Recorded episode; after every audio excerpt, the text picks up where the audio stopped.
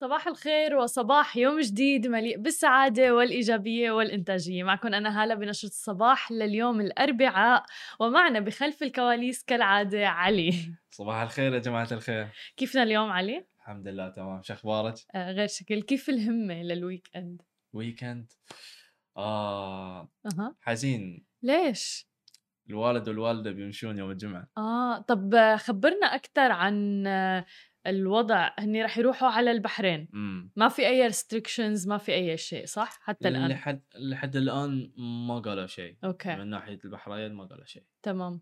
آم، أي ما قالوا شيء. يعني إن شاء الله يرجعون بالسلامة يعني. حلو إن شاء الله يروحوا ويرجعوا بالسلامه يا رب.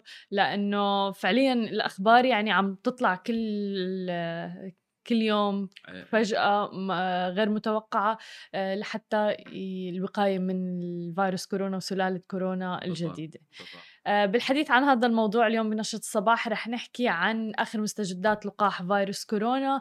أيضا بدنا نحكي آه، عن عالم الشركات الناشئة بدنا نحكي عن شركة ناشئة حصلت على استثمار كبير وضخم جدا ب 48 ساعة فقط. وفي الختام بدنا نحكي أيضا عن المملكة العربية السعودية اللي عم تستثمر بشركات عالمية ومستمرة حتى الآن.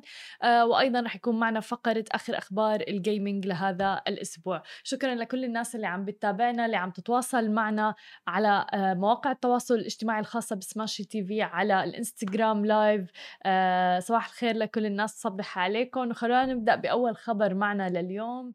عن شركة بايونتك الخاصة بإنتاج لقاح فيروس كورونا اللي أكدت قدرتها على توفير لقاح جديد خلال ست أسابيع حال آه، تحور فيروس كورونا وتطوره. مؤكدة أيضا أن اللقاح الحالي هو فعال ضد السلالة المتحورة الحالية لفيروس كورونا. ومبارح كان معنا مقابلة مع الدكتور أحمد عبد الملك اللي ذكر فيها وقال أنه من الطبيعي للفيروسات أنها تتحور وتتشكل ويطلع سلالات أخرى وحتى بالفترة السابقة طلع سلالات جديدة لفيروس كورونا وحاليا أنه هذا هي السلالة الجديدة اللي عم بيتكلموا عنها ببريطانيا وغيرها يمكن السيطرة عليها. أما إذا بدنا نحكي عن دولة الإمارات فأعلنت دولة الإمارات وتحديدا اللجنة العليا لإدارة الأزمات والكوارث في دبي عن انطلاق حملة واسعة ومجانية للتطعيم ضد كوفيد 19 بلقاح فايزر في دبي اعتبارا من اليوم الأربعاء. وأعلنت أيضا وزارة الصحة الإماراتية يوم أمس الثلاثاء عن التسجيل الطارئ للقاح بايونتك من شركة فايزر ضد جائحة كوفيد 19 ويعد ثاني لقاح بيتم تسجيله واعتماده في دولة الإمارات. واعتمدت اللجنة جدول برنامج مسح وطني لإجراء الفحوصات الدورية لسكان المناطق الصناعية تحديدا المجمعات اللي فيها كثافة سكانية عالية وأيضا موظفي الأنشطة التجارية المختلفة في إمارة أبو ظبي. وتعزيز الطاقة الاستيعابية لمراكز الفحص التابعة لصحة خارج الإمارة وإلغاء إجراء الفحوصات عند نقاط الدخول. ويمكن للمسافرين القادمين من الدول الخضراء اللي هي الدول المسموح إلى أن تدخل أبو ظبي التحرك بحرية بعد حصولهم على نتيجة سلبية للفحص اللي أجرى عند وصولهم. بينما بيخضع القادمون من الدول الأخرى إلى العزل الصحي لمدة عشر أيام فقط ورح يراجع طبعا تصنيف الدول كل أسبوعين حسب الحالة. أما إذا بدنا ننتقل ونحكي على عالم الشركات الناشئة آه، ففي شركة ناشئة ضجت فيها الإعلام وال social media آه، باليومين الماضيين.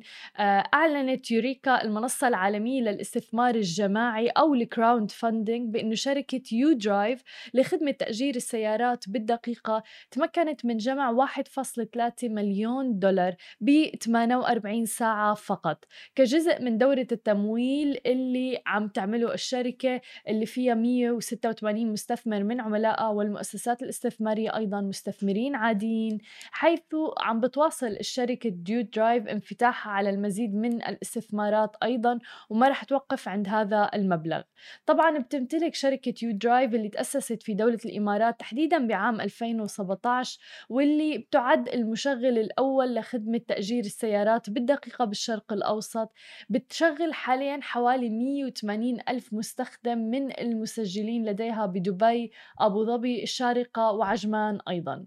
وعم تتوقع الشركة اللي سجلت الرحلة رقم مليون قبل فترة وجيزة جدا تضاعف عدد مستخدميها بعام 2021 طبعا كل هذا بالتزامن مع ارتفاع ملحوظ في عددهم بنسبة 20% خلال الأشهر الستة الماضية. ومن المتوقع أيضا أن يعزز هذا التمويل أسطول السيارات التابع للشركة في دولة الإمارات كما من شأنه أيضا أن يفتح آفاقا جديدة للتوسع في كل من المملكة العربية السعودية وأيضا تركيا كجزء من عودة الشركة إلى النمو مجددا. طبعا شركة udrive من الشركات اللي لا شك أنها رح تكون تأثرت بفترة كورونا بسبب الحجر المنزلي وحظر التجول وغيرها ولكن الآن عم بيرجع شوي مع تخفيف القيود الأمور لطبيعتها. طبعا نأمل هذا الموضوع مع أخبار السلالة الجديدة نأمل أنه كل شيء يضل تحت السيطرة ويستمر الاقتصاد كما كان عليه وينتعش لأنه مر مرينا بفترة كانت فيها تداعيات فيروس كورونا سلبية جدا على العديد من الشركات والقطاعات في الدول. أما إذا بدنا ننتقل لخبرنا الأخير اليوم فبدنا نحكي عن مخرجو فيلم The Avengers ال Endgame حضرته علي؟ أو أنت من محبينه أصلا؟ اي أكيد. إيه؟ يعني آه Marvel DC يعني هاي عشق آه بتحبه من كثير من, يعني. من صغري إيه، من إيه. صغري طب شو كان ال feedback تبعك والرأي تبعك على آه فيلم Avengers ال Endgame تحديدا؟ Endgame part 1 مم. عسل. okay. part 2 ما عجبك. اي مو لهناك. طيب خلينا نحكي عن اللي أخرجوا هذا الفيلم واللي حقق مثل ما ذكرت أرباح كتير كبيرة وصلت ل 2 مليار دولار عالميا. آه اسمهم Russo Brothers. حصدوا على استثمار بقيمة 50 مليون دولار من بنك سعودي لدعم شركة الإنتاج الخاصة بهم واللي اسمها AGB وهذا التمويل تم الإعلان عنه الآن ولكن تم في بداية هذا العام في زمن جائحة كورونا. تم هذا التمويل مقابل حصة للبنك السعودي في الشركة. وهناك طبعا عدة مصادر عم بتقول أنه المبلغ الاستثمار كان أكبر بكثير من 50 مليون دولار.